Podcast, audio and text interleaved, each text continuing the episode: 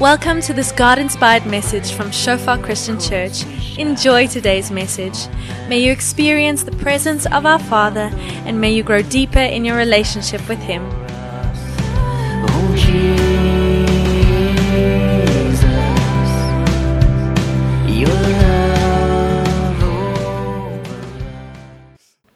So ons is besig met 'n klein preekreeks 1 2 6 Jesus. Dit is 1 Johannes 2 vers 6. En hierdie is deel 2 rustig by Jesus, rustig soos Jesus. Ek weet die van ons wat dalk die eerste een gemis het, moenie worry nie, dit bou nie so erg op mekaar nie, maar jy kan na dit gaan luister. Dit is op ons webtuiste, Shofar Sekunda Sermons of op Apple Podcast of Spotify as jy daarna wil gaan luister. Maar ons is besig met hierdie hoofsaaklike vers in 1 Johannes 2 vers 6 wat die volgende sê: Wie beweer dat hy in hom bly, hom regtig ken, 'n verhouding met hom het, behoort self ook te lewe soos Jesus gelewe het. Ek weet en dalk dink jy by jouself weer, Jan, ek bly hulle doen dit vir 3 weke, maar miskien moet ons altyd hierdie fokus hê by kerk, jy weet dit is dit is kan of altyd die fokus veronderstel om te wees. Maar in hierdie 3 weke wil ons net spesifieke riglyne neerlê. Jy spesifieke waarhede wat ons in skrif sien. Wat beteken dit om soos Jesus te wees? Jy weet laasweek het ek ook gesê daar's min goed so gevaarlik soos 'n Bybelse konsep sonder die waarheid van skrif wat daarmee gepaard gaan.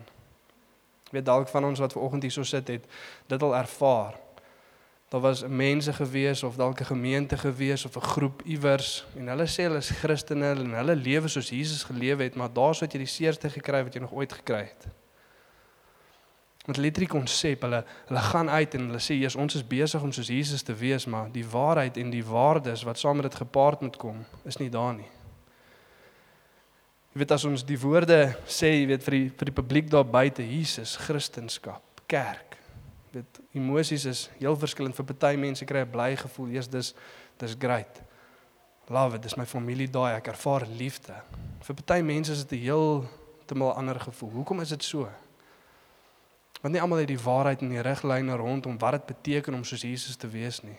As ons na geskiedenis kyk, aaklik goed wat al gebeur het in die naam van Christendom. Die kerk vir Jesus. Want die konsep was daar maar die waarheid wat daarmee gepaard gaan was nie lekker daarbey nie. Met een van die goed laasweek spesifiek soos dit ons as gemeente gevas en gebid het om vir die Here spesifiek ook te vra, jy weet, net opnuut, Here, 'n openbaring van wie U is. Wat beteken dit om soos Jesus te wees? Hoe was U? Want ons wil dit naboots, ons wil ook so wees. En een van die goed wat regtig vir my uitgestaan het, ons as 'n selgroep is bietjie ook besig om deur die evangelies te lees en een van die goed wat vir Jesus vir my uitgestaan het is dat die feit dat hy altyd rustig was. Hy was nooit gejaag nie. Hy was nooit haastig op pad iewers heen nie. Hy het nooit een oggend verslaap en agtergekom, "Shucks. Ek is 10 minute laat vir daai meeting nie." Altyd teenwoordig, daar waar hy is. Rustig in die wil van die Vader. Dit was iets wat vir my regtig uitgestaan het, jy weet, as ons kyk na ons lewe vandag en wat die wêreld van ons verwag, dan is dit erg in kontras. Jy weet vir party mense en sekere groepe mense as jy nie baie besig en baie haastig is nie, dan sien teendeel lei. Dit's glad nie 'n lewe wat ons moet hê nie, weet, in vandag se lewe moet ons besig wees. Die heeltyd. As goed wat moet gebeur. Jy kan net lui wees en en rond sit en ek sê nie dit is wat Jesus gedoen het nie. Maar hy was nooit haastig op pad iewers heen nie. Jy weet en dis nou die eerste week hier in Maart, tweede week volgende week en weet ek het al by baie mense gehoor die volgende. Jessie, Januarie en Februarie was so besig geweest dat ek voel amper asof ek weer vakansie kort.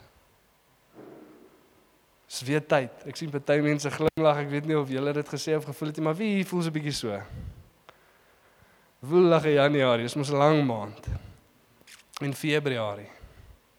Was bietjie besig. Jy weet en ook net om vanoggend te sê voordat ons ingaan, as jy konstant so voel, as jy altyd moeg voel, as jy altyd te besig voel, altyd te haastig voel, is jy besig om iets verkeerd te doen. Dis nie wat God van ons verwag nie. Hy wil nie hê ons moet so lewe nie. Jy weet, veral in vandag se generasie, ons generasie en die era waarin ons lewe, staan bekend as die af, afgeleide generasie. Daar's klomp goeters wat ons aandag die heeltyd trek en die rustelose generasie. En era, mense wat rusteloos is, ons kry nie rus nie. Ons is altyd besig. Jy weet vandag se tieners is die eerste groep mense wat na drie skerms sit en kyk op een slag. Terwyl die TV aan is en iets is daarop, is die tablet of die iPad ook oop langs aan, maar is ook op hulle fone op sosiale media. Van die ouer gardes 2 terwyl ons TV kyk of 'n film of so iets, is ons ook op ons fone besig. Besig op sosiale media.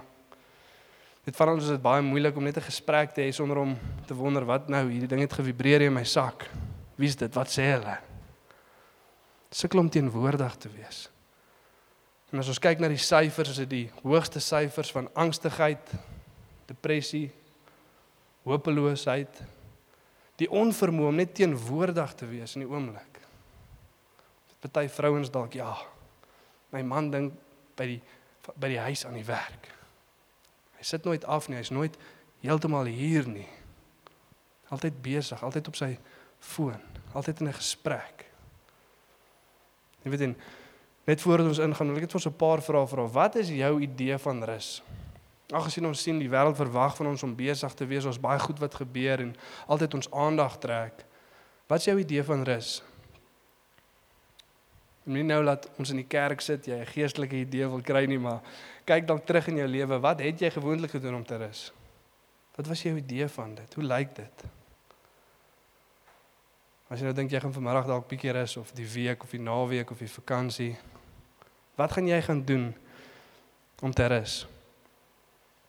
En dan 'n tweede vraag, het jy al ooit 'n stuk skrif gelees waar Jesus uitgebrand was, moeg, angstig. Ja, hy het moeg geraak toe hy geloop het en hy het gaan sit by die vroue by Jakob se put in Sam in Samaria. Hy was fisies moeg geweest, maar ek bedoel geestelik, jy weet, emosioneel moeg uitgeput. Hy was bietjie angstig in die tuin van Getsemane toe hy gebid het, maar toe hy sy hart weer draai en vir die Here sê, "U wil geskied." Toe kan hy opstaan en aangaan, maar nooit uitgebrand nie. Nooit altyd angstig, depressief en hopeloos nie. Of dalk wie onthou daai skrif waar Jesus ook op 'n vakansie gegaan het.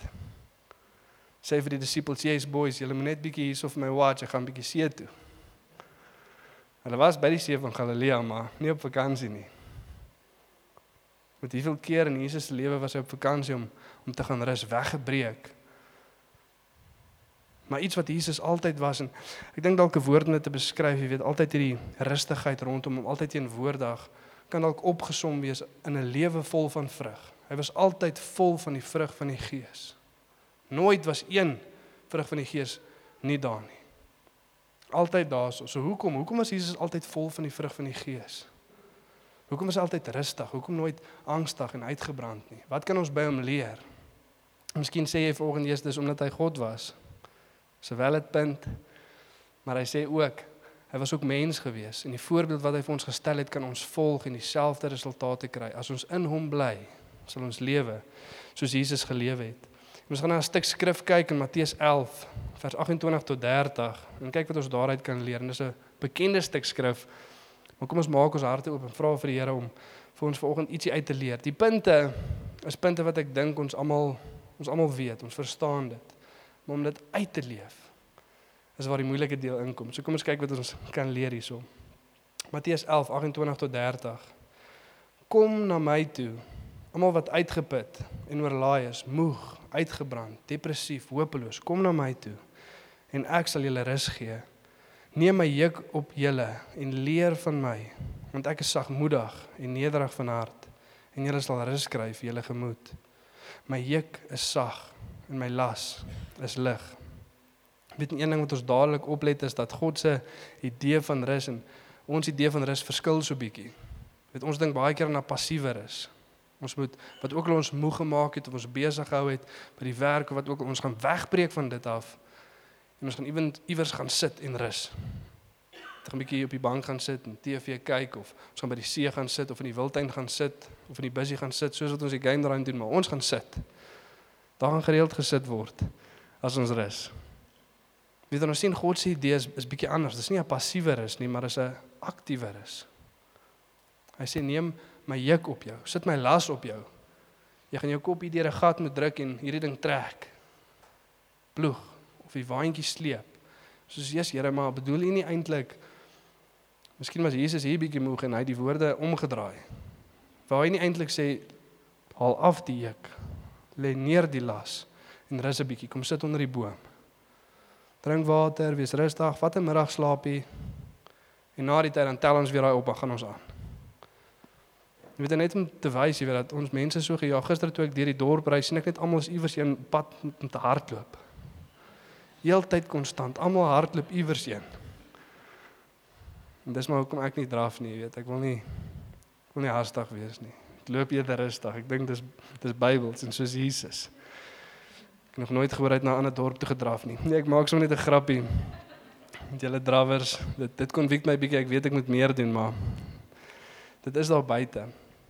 So Jesus sê hierso, nee my my rus is 'n aktiewe rus. Daar's iets wat gaan gedoen moet word. Dis nie passief nie. Jy gaan nie net sit nie. En as iets wat ons by Jesus kan leer, hy het dit self gedoen. En deel van hierdie juk dra is om by hom te leer. So waar begin ons? Matteus 11:28. Kom na my toe, almal wat uitgeput en oorlaai is en ek sal julle rus gee. Weet wat my baie interessant is in in vandag se tyd en soos wat ek met mense praat, hoor ek baie keer mense sê is ek is so besig en so moeg dat wanneer ook al ek by die huis kom of tyd in die oggend het, ek het nie tyd om na die Here toe te gaan nie. Ek's te moeg. Soos om te sê jy's te dors om water te drink. Jy weet nie, vyand het aan ons alleen kom verkoop dat ons is so besig, ons is so moeg, ons het nie tyd om stil te gaan sit by God nie. Want hy weet as ons dit nie doen nie, sal ons nie rus kry nie. Dit is alwaar ons rus kan kry. Hoofsaaklik in ons natuur is die mens gemaak om in God se teenwoordigheid te lewe. In sy teenwoordigheid gemaak vir sy teenwoordigheid. Saint Augustine skryf mooi en hy sê die menslike hart sal rusteloos bly tot hy rus vind in God. Dit is waar hy veronderstel is om rus te kry. Dis waar hy veronderstel is om te ontspan. Om die laste neer te lê. Dis al wat dit gaan gebeur. En weer eens as jy dink en jy kyk na jou lewe en jy dalk dieselfde goeders al 'n paar keer gesê, ek's te te besig, te te haastig, te moeg om tyd saam met God te spandeer, dan jy besig om iets verkeerd te doen. Ek weet dan ook om vir ons te sê dat vakansietyd is net 'n coping meganisme as die hoofdoel nie tyd saam met God is nie. As die myn idee van jou vakansie nie is om weg te breek sodat ek as veel as moontlik by Jesus se voete kan gaan sit nie, dan is dit nie ware rus nie. Dit mag dalk vir 'n oomblik ons aandag aftrek van die las wat op ons skouers is. Maar ons het nie gerus nie want dan wonder ons hoekom as Januarie en Februarie kom ons klaar weer moeg is. Hoekom het dit nie gewerk nie? Hoekom voel ek klaar weer hierdie las? Hoekom is ek klaar weer angstig? Ek ek's op pad terug van die see af en ek voel al klaar bietjie angstig. Ek voel al klaar bietjie hopeloos. Al klaar bietjie moeg. Dit is 'n lang rit so ek mag dalk moeg wees daarvan, maar fisies geestelik, ons is klaar bietjie moeg. Hoekom? Want dit was nie regte rus nie. Want ons het nooit na Jesus toe gegaan nie. Weet en vir Jesus die besigste tye van sy bediening en van sy lewe Hy het nooit tyd by hom gesteel om weg te breek en tyd saam met die Vader te gaan spandeer nie. Dit was een van sy ritmes wat hy altyd gevolg het. Maak nie saak hoe moeg of hoe besig hy geraak het nie. Want hy het verstaan dat hierdie is waar hy krag kry, hierdie is waar hy rus kry. Ons lees in Markus 1 vers 35. Die môre vroeg toe dit nog nag was, het hy opgestaan en buitentoe gegaan na 'n eensame plek en daar gebid. Matteus 14:23. Dit is net nadat hy die skare gevoer het op die berg, hulle was 'n lang tyd daar by hom. En hy sê nadat hy die mense weggestuur het, het hy alleen na die berg toe gegaan om te bid. Toe dit aand word, was hy daar alleen. En nog baie ander plekke in skrif sien ons hierdie selfde patroon in Jesus se lewe en Jesus sê leer hierdie by my. Volg hierdie voorbeeld wat jy in my sien. As jy wonder waar begin dit? Hoekom kon Jesus altyd almal bedien? Nooit haastig nie, altyd rustig, altyd teenwoordig. Hierdie is die eerste sleutel. Hy het altyd tyd om sy Vader gespandeer, rustig by die Vader, eenkant weggebreek, tyd alleen gesit om by God te wees. Weet dan ook om net vir ons te sê sal ons 'n paar so mooi geshare in intercession voordat ons begin het met die kerkdiens. Die oomblik as ons ons geestelike oë en ore oopmaak vir die Here in elke deel van ons lewe, dan breek iets oop wat ons nog nooit beleef of besef het nie. Net in die wêreld wil kom sê Jesus, jy kan nie nou nog luister vir wat God ook wil hê jy moet doen nie. Daar's klaar so baie ander goed. Hoe gaan jy by alles uitkom? Maar in daai oomblik van by die Here hoor en vir hom luister, is daar rus. Ons ou wat 'n storie vertel, ek het nou sy naam vergeet, maar die Here stuur hom na iewers nie. Ek dink is omtrent hier by die 1800 rond gewees, maar hy stuur hom na 'n eiland waar daar kannibale bly. Hy moet nou daarso gaan sendingswerk doen. Dit en hy hoop hy kan vir hierdie mense verduidelik dat mense net op brood sal lewe nie, maar elke woord van God. Jy weet, daar's iets anders wat jy hier moet eet, nie ek nie. En dis die woord van die Here. En soos wat hy die mense bedien, raak 'n paar ouens te vreeslik honger en hulle begin om te jaag. En hy hardloop en een van die ouens daarso en hy weet ook nie regtig of hy hierdie ou kan vertrou nie. Hy sê vir hom klim op in hierdie boom. Dan sit jy daar bo en ek sal hulle na 'n ander kant toe lei. Hy dink die is hierdie is 'n dit is baie gevaarlik as ek hier in hierdie boom klim en hulle kom hier soos daar geen manier wat ek van hulle af gaan wegdwaal nie. Maar ek gaan nou in die boom inklim.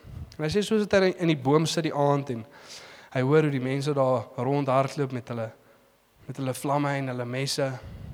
En hy sit daar bo in die boom sê hy het nog nooit so die rustigheid en teenwoordigheid van God aanvaar in sy hele lewe nie.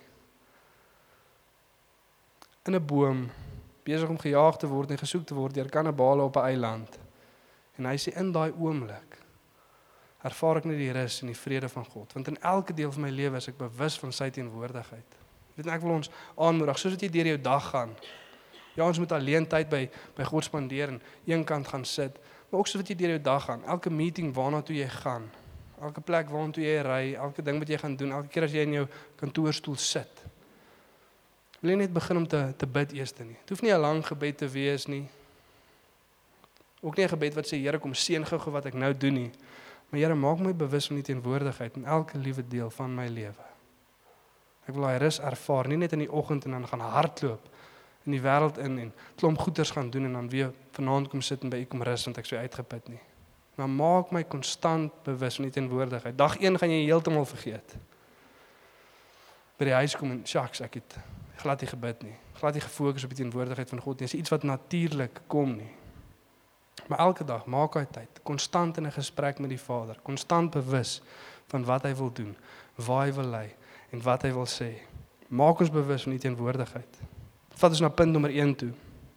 Vind rus in Jesus se teenwoordigheid. Soos ek gesê het, maak nie saak wat jy doen of wat die wêreld aan jou verkoop het wat rus is nie. As ons nie na Jesus toe gaan nie, gaan daar geen rus wees nie. Hy is die enigste een wat vir ons rus kan gee. Ons kan dit nêrens anders kry nie. Jy kan jare lank op vakansie wees. Iets in jou gaan nog steeds onrustig wees. As die hoofdoel nie is om na Jesus toe te gaan en by sy voete te gaan sit nie. Jy weet baie keer dan sien ons hierdie rustigheid in Jesus en ons kom agter dat ons is nie so nie of jy weet dalk dit angstigheid of sagmoedigheid of wat ook al dit mag wees en jy sien dat dis nie dis nie iets van my nie. Dan probeer ons fokus op die vrug. Ek gaan nou hierdie vrug vat en ek gaan dit aan die tak plak. Jy weet dis wat ons baie keer doen met vakansies. Ek gaan rustigheid op my boom gaan plak. En dan wonder ons as Januarie, Februarie kom, hoekom is die ding nou klaar weer vrot? Want die wortel is nie reg nie. Dit wat die vrug geproduseer het, is nog steeds daar. En as ons nie dit vervang en nuut maak nie, dan gaan dit altyd daar wees in ons lewens. As die in hom bly, by hom wees, intentioneel is, dan sal ons vrug volhoubaar wees. Want ons is konstant by die een wat die vrug gee. Johannes 15 wie ook al in my bly, hy is die een wat baie vrug dra. Anders kan ons niks doen nie.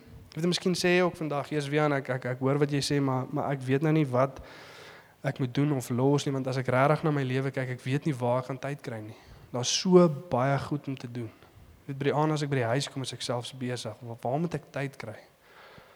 En ons gaan nou in hierdie stuk skrif sien Jesus sê daar's dan een van twee probleme. Jy het 'n juk op jou wat nie van God af is nie. Dis of een wat jy op jouself geplaas het of een wat die wêreld op jou geplaas het. Of jy's nie dadelik gehoorsaam wat God vir jou sê om te doen nie. Raak jy bietjie agter, jy verslaap so bietjie, los dit vir te lank. En dan ewe skielik moet ons haastig wees. Dan kan ons nie rustig en in die oomblik wees nie. So kom ons kyk na die eerste ding, die juk. Matteus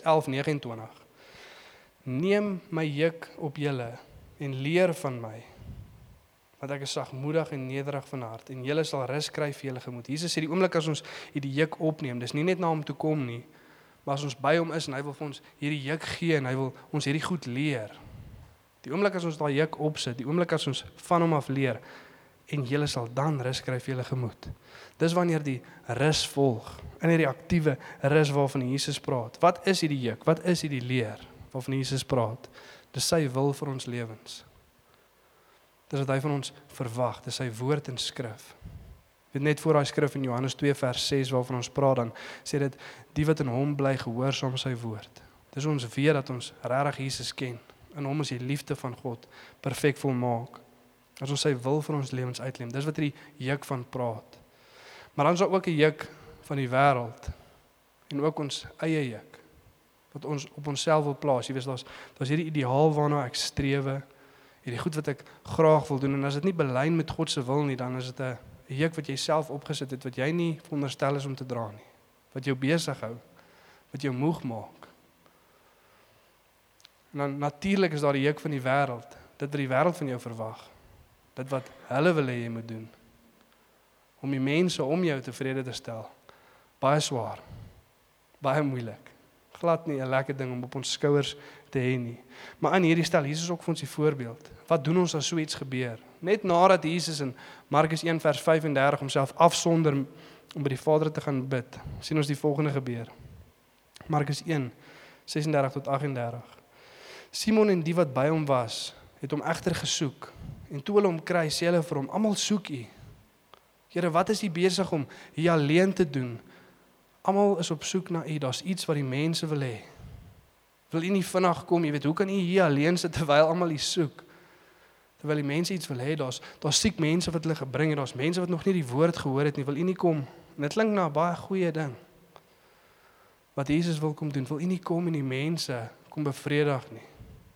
En Jesus antwoord: Laat ons eers anders heen gaan, na die nabygeleë dorpies toe, sodat ek daar ook kan preek, want daarvoor het ek gekom. Ek het nou net tyd om die Vader spandeer. Ek weet wat hy van my verwag. Ek het sy juk op my skouers. En ek gaan nie 'n ander se juk op my skouers plaas nie. Weet in daai oomblik in jy half dink die disippels, "Jesus Here, maar wil U nie die mense bedien nie? Wil U nie tyd saam met hulle spandeer nie?" En so Jesus sê, "Al sou ek dit wou doen, ek's ook nie hier om my eie wil uit te leef nie." Lees ons in Johannes 6 vers 38. Jesus sê ek het van die hemel af gekom nie om my wil te doen nie, maar die wil van hom wat my gestuur het. En Jesus is nie besig om te sê my wil is teenstrydig met die Vader se nie. Maar hy sê al sou dit verskil en dit doen nie die die Vader en die Seun se wil is altyd 100% belyn. Al sou dit anders wees. Ek's nie hier vir myself nie. Ek het my juk ook neergelê. Ek gaan nie die juk van die wêreld opsit nie, maar ook nie my eie een nie. Daar's net een. En dis die juk van die Vader. Sy wil vir my lewe wil ek uitleef. En Jesus sê dieselfde juk wat hy gedra het, vra hy vir ons om op te sit. Dis nie onmoontlik nie, hy het die grootste las gedra. Hy het die juk die verste gevat. En hy vra vir ons om daai laaste deel dit net op te sit en verder te trek. Kyk, ek stel hierdie voorbeeld vir julle. Ek leer julle hierdie les. Punt nommer 2. Vind rus in die wil van Jesus met in vanoggend vir ons te sê jy het nie genoeg tyd om jou wil vir jou lewe en God se wil vir jou lewe uit te leef nie. Daar's nie genoeg tyd nie. Is dalk hoekom jy haastig is. Is altyd hoekom jy besig is. Jy het ook nie genoeg tyd om mense se wil vir jou lewe en God se wil vir jou lewe uit te leef nie. Jy het net kapasiteit om een tevrede te stel. Hoekom? Want dis hoe ons gemaak was. Daar's een vir wie ek lewe en dis vir God. As die idees van die wêreld kom en dit ons kante toe vat, dan lê ons dit neer. Want ons was by die Vader, ons weet wat hy van ons verwag. Dis hoekom ek gekom het. Dis wat hy van my verwag. Dis waantoe ek op pad is. Jy weet dan ook om eerlik vir ons vanoggend te sê dat baie Christene sukkel om die wil van God uit te leef want hulle weet nie wat die wil van God is nie. Weet nie wat dit is nie. Ek ek weet nie wat God van my verwag nie. En ons moet eerlik met onsself wees. Daar wees dit wat is dit wat God van jou verwag?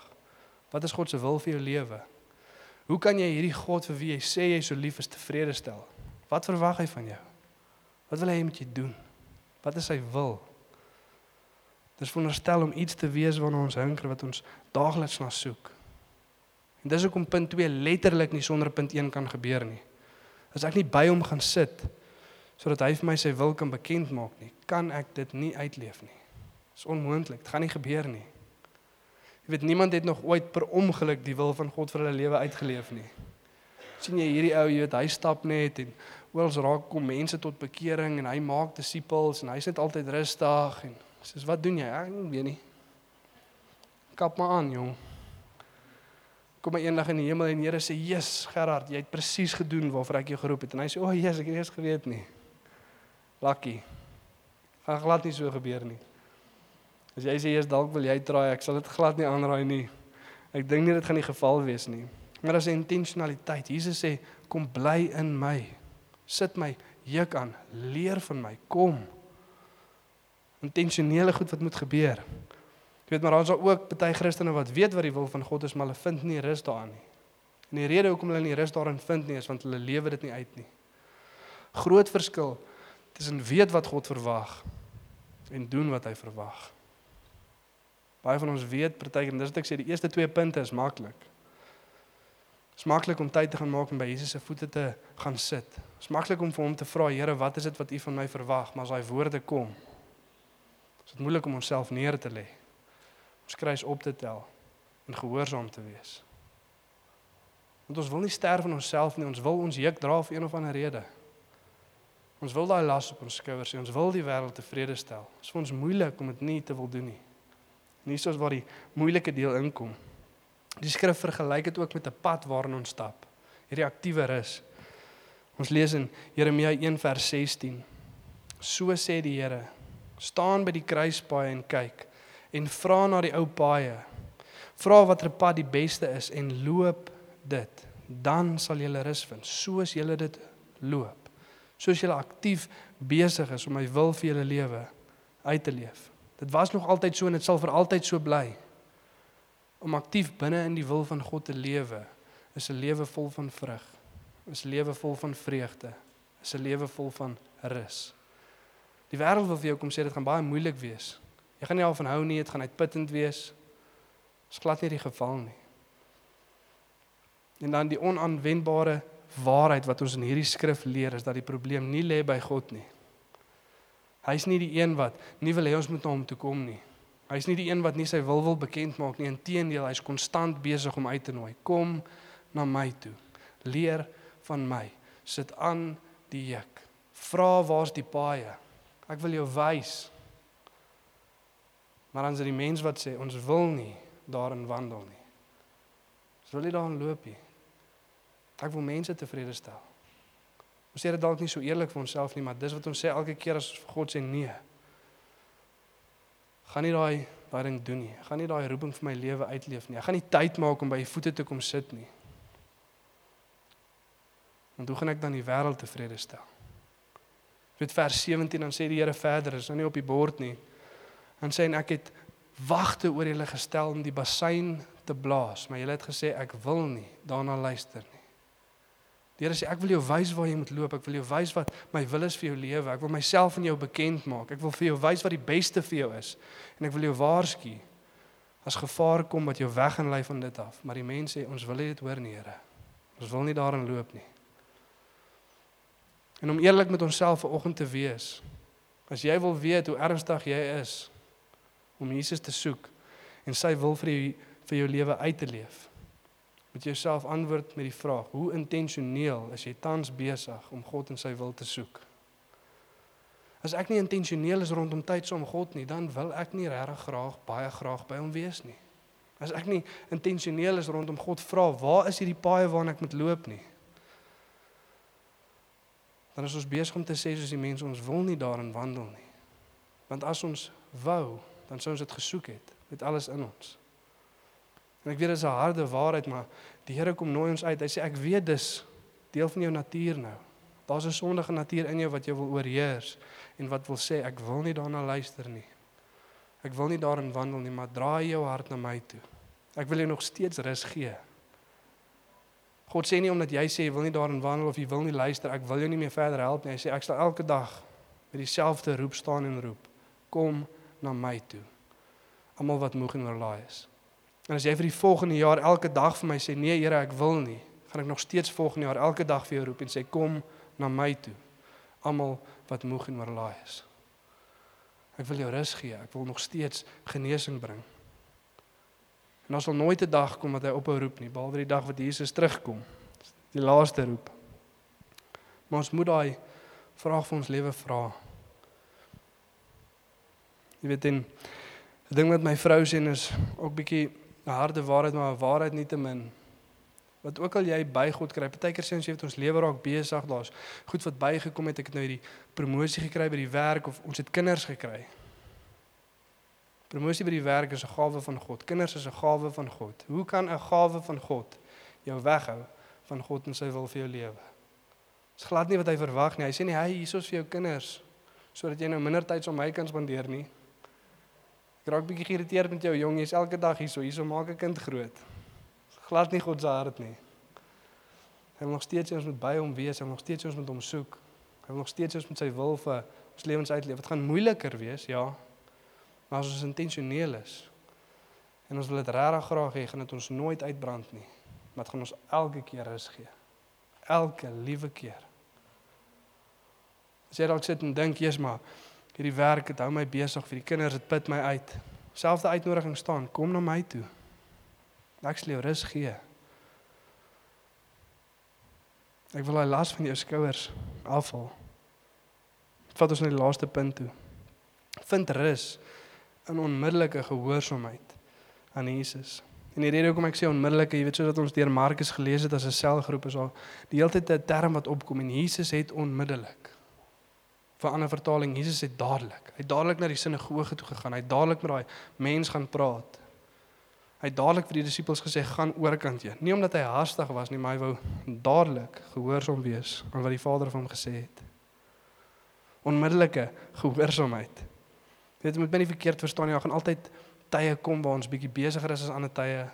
Wanneer goed meer van ons aandag gaan gaan trek, meer van ons tyd gaan vat, maar ons gaan nooit te besig wees vir hierdie drie punte nie. As ons wil weet wat is dit om soos Jesus te wees, dan is hierdie die boks waarin die res van die goed gevorm word. Dit gaan altyd wees teenwoordig in die Vader se wil. Dit gaan altyd wees om sy wil te soek. Dit gaan altyd wees om gehoorsaam te wees. Dit gaan nooit anders as dit lyk nie. Hierdie is die waardes wat ons toepas as dit kom by hoe dit lyk om soos Jesus te wees.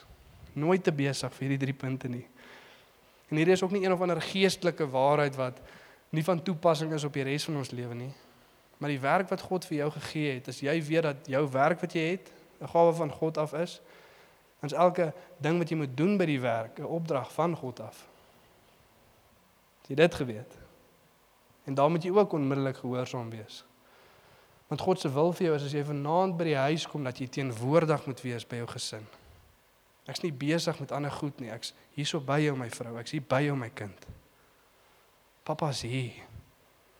Want wat ek moes doen het ek klaar gedoen. Ek weet nie wat die Afrikaanse woord vir procrastination is nie. Maar as jy procrastinate, is jy buite die wil van God. Maak nie saak met wat dit is nie. Yes. Gee hoop hier vanoggend. Ons is sekerlik nie procrastinators hier nie, nê? Nee? Maar die oomblik as ons hierdie goed laat staan wat ons veronderstel is om te doen, dan bou dit op en dan bou dit op.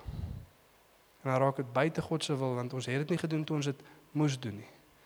Nou is die vrug nie daar nie, nou is ons haastig, nou kan ons nie stil staan nie, nou kan ons nie hoor wat die Vader wil sê nie.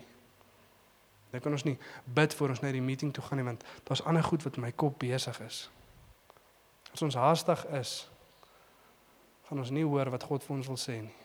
Gaan ons nie kan fokus op wat hy wil doen in ons lewens nie. Dit is wat hy van ons verwag, geestelik, emosioneel, fisies. Moenie procrastinate nie. As die Here vir jou iets sê, doen dit dadelik. Dit is moeilik vir ons om te doen. Want baie keer die eerste ding wat God vir ons sê as ons sê Here, sê vir my, wat wil U nou dadelik hê moet ek doen? Is 'n harde ding baie keer. Bel daai persoon. Sê jy is jammer. Sê vergewe hulle. Daai sonde in jou lewe gaan sê dit vir jou broer en bid saam loop in accountability. Sê jy, "Jesus Here, kan ons nie met iets ligter begin nie?" Sê nee, want ek wil hierdie las van jou skouers afhaal. Ek wil hierdie juk wat jou neerdruk, een kant toe skuif. voel dalk vir jou moeilik, maar dit gaan baie maklik wees as jy daai ding doen. As jy onmiddellik gehoorsaamheid. Hoe rustig jy gaan wees. As ons kyk na die disippels in die Nuwe Testament en jy lees dalk van Christene na die Bybelse tyd en jy wonder, Jesus, hoekom het hulle so impak gehad op die wêreld? Hoekom was hulle so vrugvol? Hoekom was hulle so belangrik vir die mense om hulle? Hoekom het hulle sulke impak gemaak? Jy sal hierdie drie punte in hulle lewens sien. Altyd die Here gesoek, gevra wat sy wil is en die oomblik as die Here praat, het hulle gedoen. Nooit gewag nie. En ek moet vir julle sê dis 'n gevaarlike gebed om te bid want die Here gaan vir jou sê wat jy moet doen. En die enigste verskil gaan dan wees jy gaan dan weet as jy dit nie doen nie wat jy moes doen. Dis nie lekker nie. Ek onthou ek toe ek net tot bekering gekom het en ek saas in my ma se sitkamer nog en eers ek bid, Jesus Here nou enigiets. U sê net vir my ek doen. Ek's nog halfpad deur daai eerste sin en die Here sê vir my ek's net so wow wow wow wow. Dis dit alles wat ek voorheen gedoen het in my lewe, die goed wat ek vir my ouers af weggesteek het. Dis die eerste ding, gaan sê dit gou-gou vir hulle. Gaan speel oop kaarte met jou ouers. Hierdie is toe ek gelieg het. Hierdie is toe ek gebedrieg het. Hierdie is waarmee ek eintlik besig was. Maar dis ook waarvan die Here my gered het. Ek sê soos Jesus Here, daai is die verlede. Ek praat van vorentoe. Enigiets van nou af bedoel ek. Dit sal ek doen. Kom ons los daai goeters daar. Vir daai volgende week elke keer as ek gebid het, was dit soos 'n muur tussen my en God gestaan. Ek het klaar gesê wat ek wil hê jy moet doen. En ek onthou ek sit daar op die bank kyk TV saam met my pa en Here is net soos hoorie wie aan daar gaan nie nou een of ander geluid uit die hemel uitkom en jou pa gaan na jou toe draai en sê o my seun wil jy iets vir my sê jy gaan dit nou moet initieer. Ek sê okay, ek gaan dit nou doen. En ek sê vir hom eers pa môre aand as maar van die werk af kom, wil ek net bietjie met julle chat. Ek dink nie hy het geslaap hy aand nie. Wat het die ou nou weer gedoen? Hy moet 'n dag lank wag om uit te vind. En dit was moeilik en dit was nie maklik nie, maar na die tyd was daar 'n las van my skouers af. Daar was 'n juk wat ek kon neerlê. Was eerlikheid in hierdie huis weer. Dit wat die Here van jou verwag, gaan rus bring. Dit gaan 'n las afval. Ek wil net klaarmaak met hierdie laaste vers van Matteus 11 vers 30. My juk is sag en my las is lig. Die Here sê dis nie soos die een van die wêreld nie. Van ons sit ver oggend hier so ons is al so moeg om konstant te wonder wat gaan mense dink? Hoe gaan hulle optree? Hoe hoe lyk ek? Is dit goed genoeg? Of ons eie wil. Jesus Here, dit dit wat ek graag wil doen, hierdie idee wat ek het, ek steun op my eie krag en ek's nie seker of dit gaan werk nie. Dit put my uit. Dit maak my angstig. Ek hou nie daarvan nie. Here sê lê dit neer en lewe vir my. Galasiërs 1:10 dan sê Paulus, wil ek dan nou mense of God bevredig? As ek nog mense wou tevrede stel, was ek nie 'n dienaar van Christus nie. Dis nie wat ek doen nie. Ek steur myself hier daaraan nie. Ek gaan nie gaan kyk hoeveel likes ek gekry het vandag nie. Ek worry nie wat mense dink. Ek weet dit is baie baie los term daai. Ek worry nie wat mense dink nie. Mense nog steeds goed dink van jou in die gemeenskap van Christus, maar dit moenie jou gedagtes oorheers nie. Daar's nog steeds boundaries. Beteken nie as jy nog altyd eintlik net 'n broek wou dra in die publiek want hierdie hemp maak jou warm kry dat dit nou oukei okay is nie. Worry nie meer wat mense dink nie. Dra nog steeds jou hemp asseblief maar moenie konstant worry en geoorheers wees deur wat mense van jou dink nie. Laat God jou tevrede stel. Maar nou dink jy ook, "Jesus, ek ek het al gehoor dat God wil hê ons moet nou onmiddellik gehoorsaam wees en in sy wil lewe. Dit klink vir my na 'n swaar las." Want ek moet dalk nou nie vir mense gaan wys dat ek goed genoeg is nie, maar ek wil vir God gaan wys dat ek goed genoeg is. Glad nie die geval nie. Jesus sê hierdie juk is sag en hierdie las is lig, want ek het klaar die las van sonde vir jou gedra. Dis nie meer deel nie. Ek het dit op my gesit. Die juk van perfekte geregtigheid vir God, ek het dit klaar gedra. Dis nie deel nie. Hierdie juk en hierdie las wat jy op jou het, is nie sodat God vir jou kan lief wees nie. Dis hy het jou klaar lief. Nooit weer gaan jy hoef te werk om God tevrede te stel nie. Ek het dit klaar vir jou gedoen. En dan sê ons dankie Jesus. Hoe sag is hierdie juk? Hoe lig is hierdie las? Dankie dat ons kan rus in die perfekte werk op die kruis.